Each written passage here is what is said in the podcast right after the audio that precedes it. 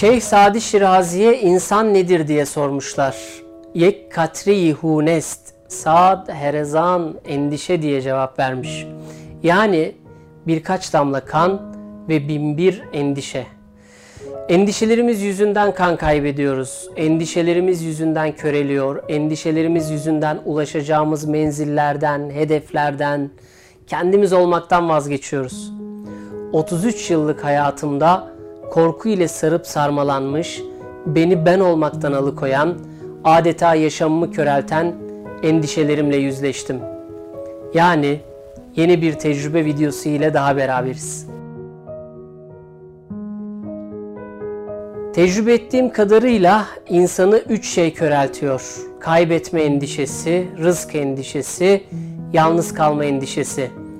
Çevremdeki birçok insanın da yaşadığını gözlemlediğim bu üç endişe içimize o kadar büyük korkular salıyor ki varlıklarını hissetmemek için yaptıklarımızın doğruluğuna veya yanlışlığına bakmıyoruz çoğu zaman. Endişelerimizle yanlış inşa ettiğimiz her bir anımız ise bir sonraki yanlışımızın da mimarı oluyor. Ben insanın hayatını kabusa çevirebilen bu üç endişeyi de yaşadım ve üçüne de sıkı sıkıya tutunarak hiçbir fayda görmedim.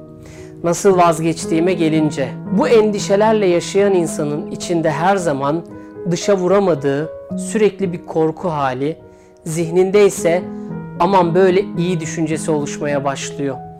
Püf nokta endişelerin içinizde oluşturduğu korkuyu kabullenmek ve hayır böyle iyi değil diyebilmekte. Korkularınızı kabul ettiğiniz ve durumunuzun iyi olmadığını kabullendiğiniz an artık endişelerinizle yüzleşmeye hazırsınız demektir. Bir kabulleniş bir cesaretin de başlangıç noktası oluyor. O başlangıçta kendinize bir destekçi, bir motivasyon kaynağı da bulmanız gerekecek. İnançlı bir insan olarak ben manevi duygularla motive olan bir insanım. Sizin motivasyon kaynağınız farklı olabilir. Ben endişelerimden sıyrıldığım bu süreçte en büyük desteği Kur'an-ı Kerim'den aldım. Yaşadığım her bir endişe, her bir korku için ötelerden, çok ötelerden gelen bir yol gösterici oldu adeta. Ali İmran suresi 26. ayeti okuduğumda aslında sahibi olamadıklarım için o yaşadığım kaybetme duygusunun, o kaybetme endişesinin ne kadar yersiz olduğunu anladım.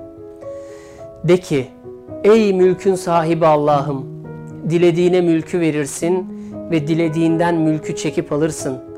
Dilediğini aziz kılar, dilediğini alçaltırsın.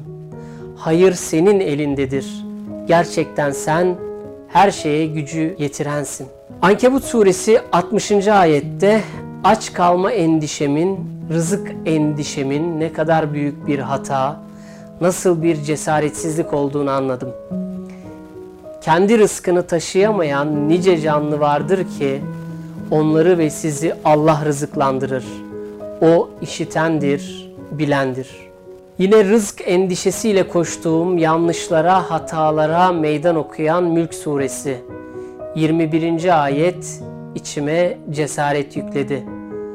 Eğer o rızkınızı tutsa, vermese, rızkınızı verecek olan kimmiş? Ve son olarak birçoğunuzun da yaşadığına emin olduğum yalnızlık endişesi. Bundan 5-6 sene önce ailemle birlikte eşini kaybetmiş eski bir komşumuz olan teyzemizi ziyarete gittik. Sohbet sırasında burada şimdi yalnız mı yaşıyorsunuz diye sordum. Aldığım cevap muhteşemdi. Yalnız olur mu hiç oğlum? Allah ile beraber. Neden bunca zaman böyle düşünemediğimi sorguladım. Nisa suresi 45. ayet yetişti imdadıma. Allah sizin düşmanlarınızı daha iyi bilendir. Bir veli, en güvenilir bir dost olarak Allah yeter. Bir yardımcı olarak da Allah yeter. İşte böyle arkadaşlar endişelerimizle yüzleşmeden, korkularımızı kabullenmeden onlarla mücadele etmemiz çok zor. Yüzleştim ve kendime, beni ben olmaya götürecek bir destekçi buldum. Körelmekten, yerimde saymaktan, zamanın akışına ayak uydurmak yerine onu sadece izliyor olmaktan başka türlü kurtulamazdım. Aksi takdirde birkaç damla kan ile can, binlerce endişe ile de hayatımızı kaybediyoruz. Görüşmek üzere.